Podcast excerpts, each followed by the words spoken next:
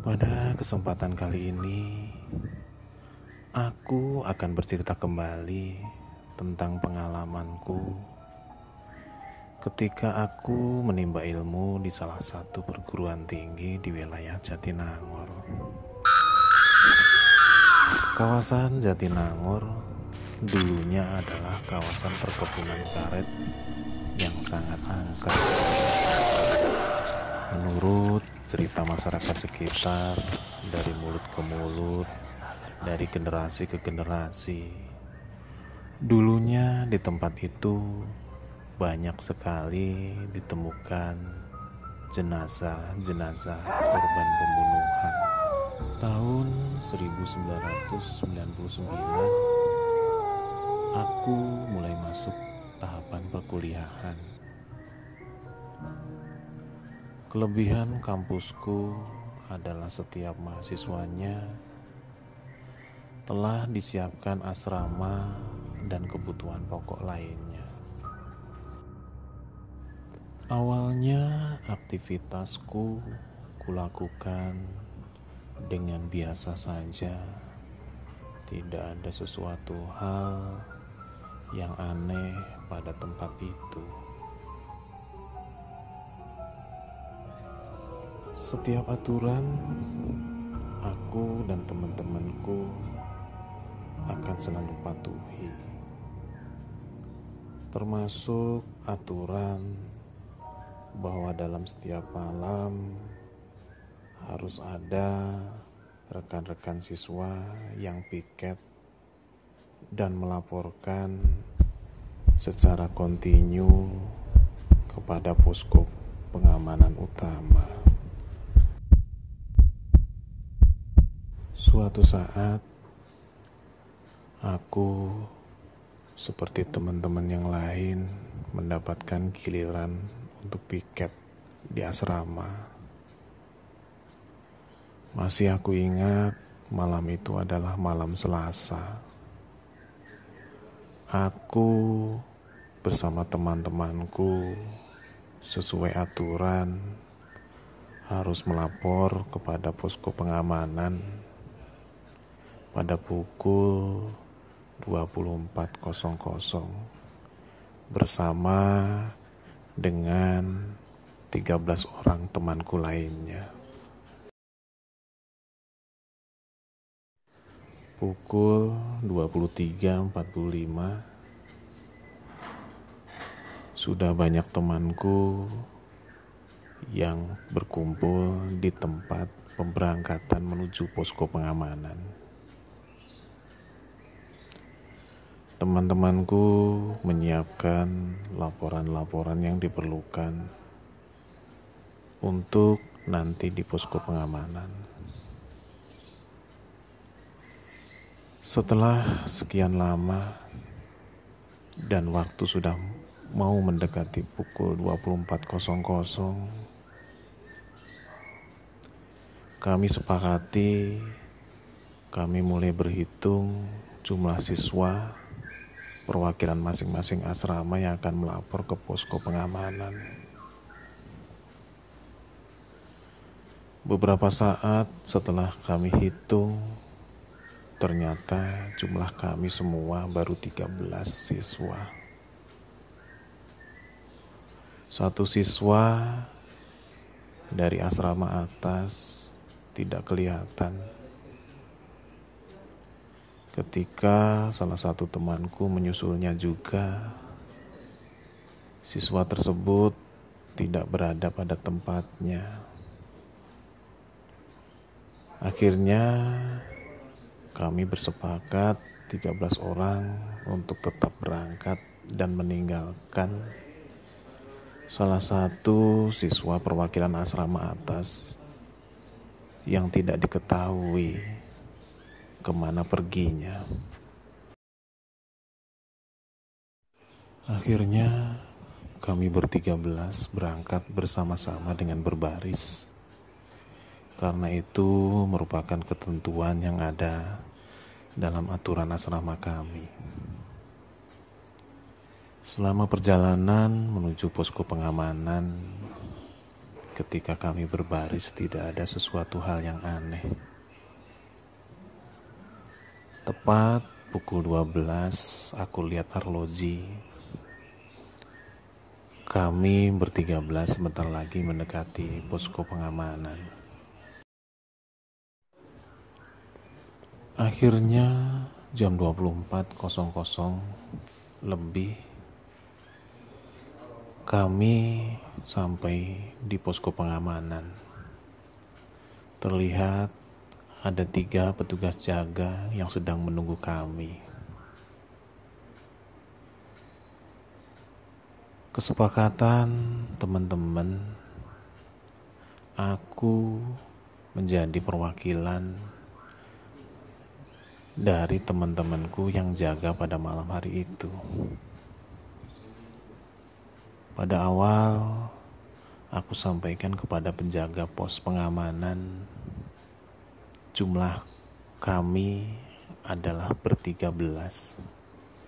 Satu orang teman perwakilan asrama atas tidak bisa hadir dan tidak diketahui posisinya ada di mana.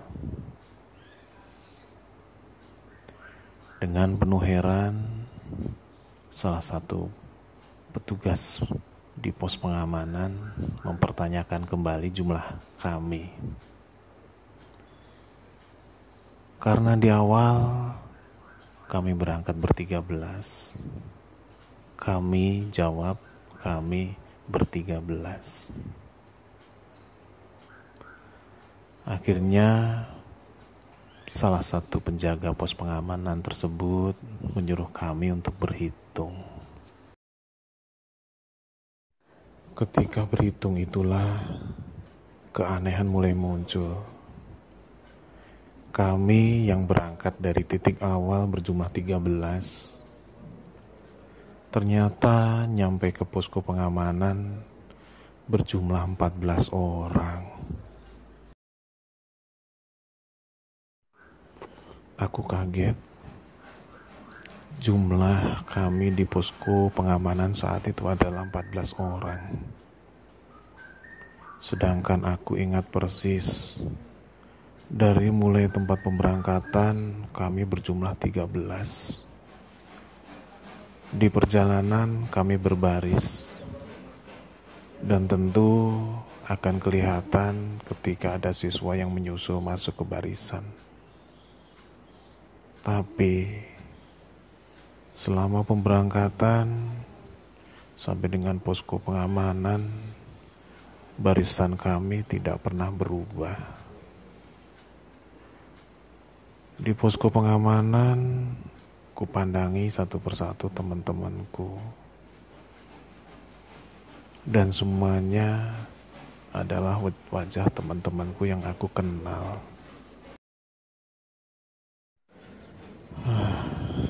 Aku biarkan keanehan itu. Aku tidak mau keanehan itu menjadi beban pikiranku. Setelah sekian lama kami ada di posko pengamanan, akhirnya kami dipersilahkan untuk kembali ke asrama. Dari posko pengamanan, kami kembali berbaris untuk menuju titik pembubaran di dekat asrama. Selama perjalanan, tidak ada sesuatu hal yang kami alami. Tidak ada keanehan yang kami rasakan.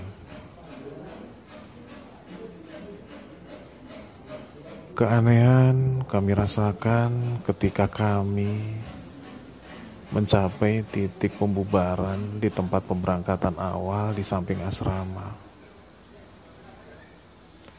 Salah satu temanku yang paling belakang menyampaikan usulan kepadaku selaku pemimpin regu untuk kembali menghitung jumlah teman-teman yang berasal dari pelaporan di posko utama. Seketika itu, kami semua sama-sama menghitung jumlah kami.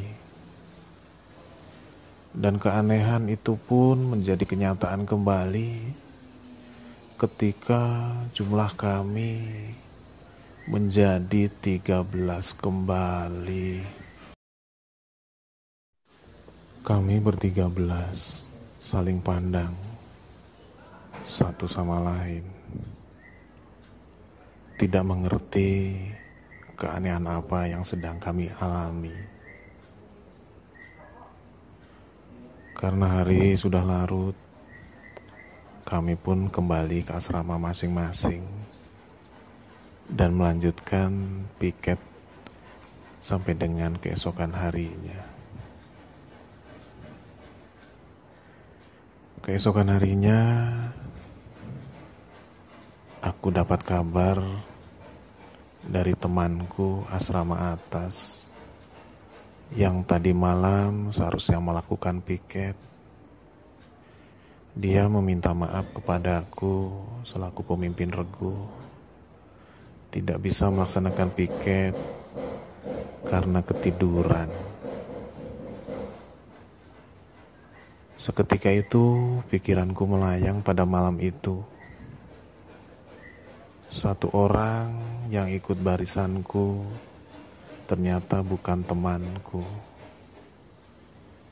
Karena temanku Berdasar informasinya, ketiduran dan tidak bisa melaksanakan piket bersamaku untuk ke posko pengamanan. Aku mengira keanehan itu hanya saat itu juga aku alami. Namun ternyata keanehan demi keanehan itu terjadi. Suatu malam yang aku lupa hari maupun tanggalnya, aku dan teman-temanku mendengar ketika itu ada suara orang mandi yang berasal dari kamar mandi di dalam asrama. Aku dan teman-temanku masih ingat pada hari itu air PDAM tidak mengalir lancar dan bahkan mati sebelum maghrib.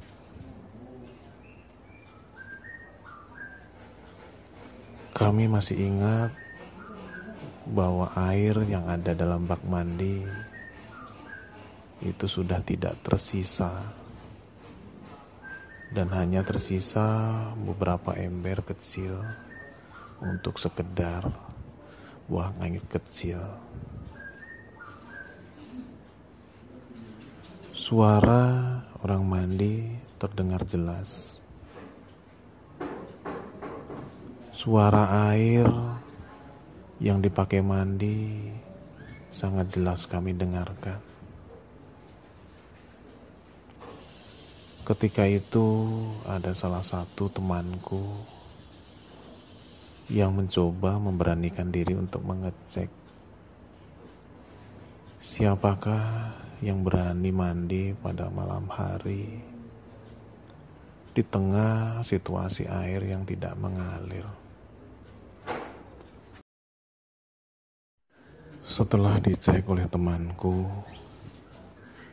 akhirnya temanku kembali lagi ke dalam asrama dengan wajah pucat dan agak gemetaran.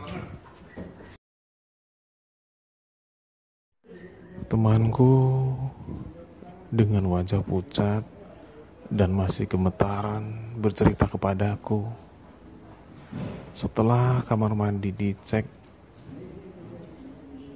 tidak ada orang mandi sama sekali. Bahkan tidak ada tetesan air yang mengenang di lantai.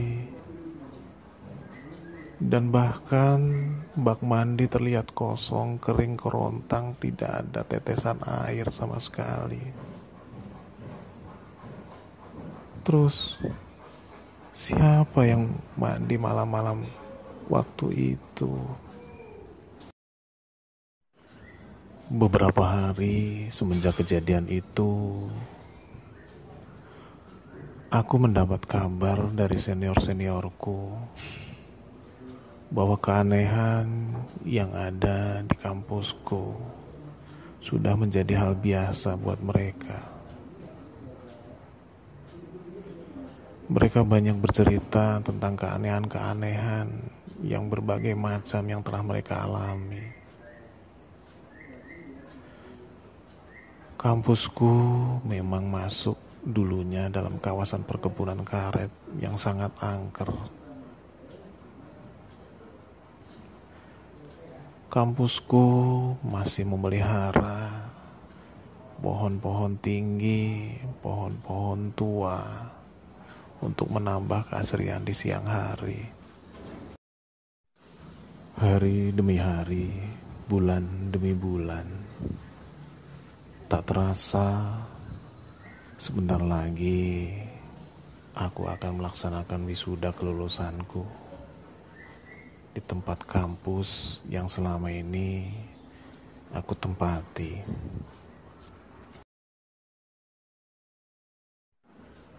Keanehan terakhir yang aku alami. Ketika mendekati wisuda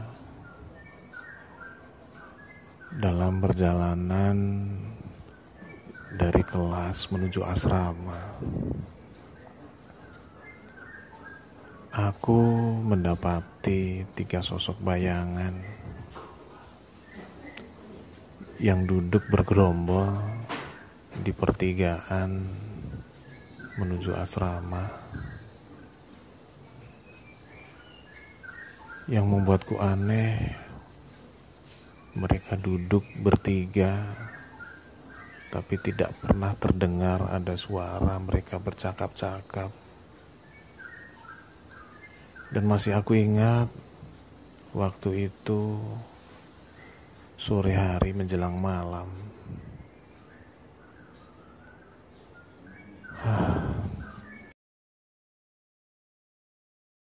Aku berhenti sejenak untuk sekedar mengusir rasa penasaranku. Aku coba memandang tiga sosok bayangan tersebut.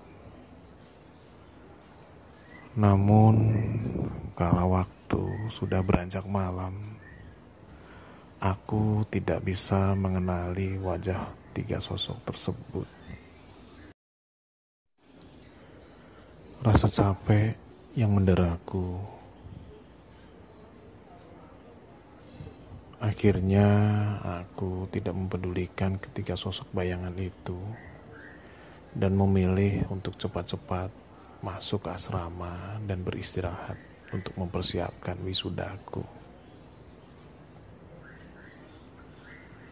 Malam itu tidak ada keganjilan ataupun keanehan yang aku alami. Keesokan harinya kami digemparkan oleh adanya kabar tiga orang teman kami tidak bisa mengikuti wisuda dikarenakan tenggelam waktu melaksanakan izin keluar asrama beberapa hari yang lalu. Ingatanku kembali mengingat pada sore menjelang malam itu. Ketika aku lihat tiga sosok bayangan yang duduk bergerombol di pertigaan ke arah asrama. Temanku yang meninggal masih aku ingat mempunyai ciri-ciri yang sama persis seperti tiga bayangan yang pernah aku lihat. Keanehan yang kulihat pada sore menjelang malam itu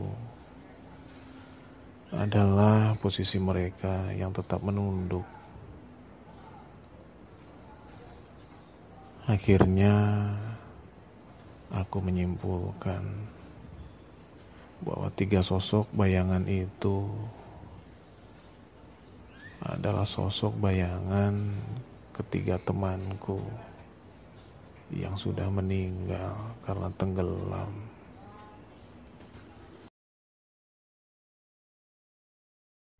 Beberapa hari sesudah kejadian itu, akhirnya kami diwisuda dan dinyatakan telah menamatkan pendidikan di kampusku.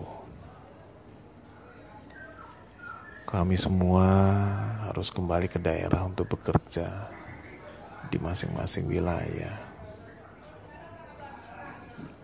Namun, kenangan-kenangan di kampusku dan hal aneh maupun ganjil yang ada di kampusku masih aku ingat dan aku ceritakan pada kisah-kisahku.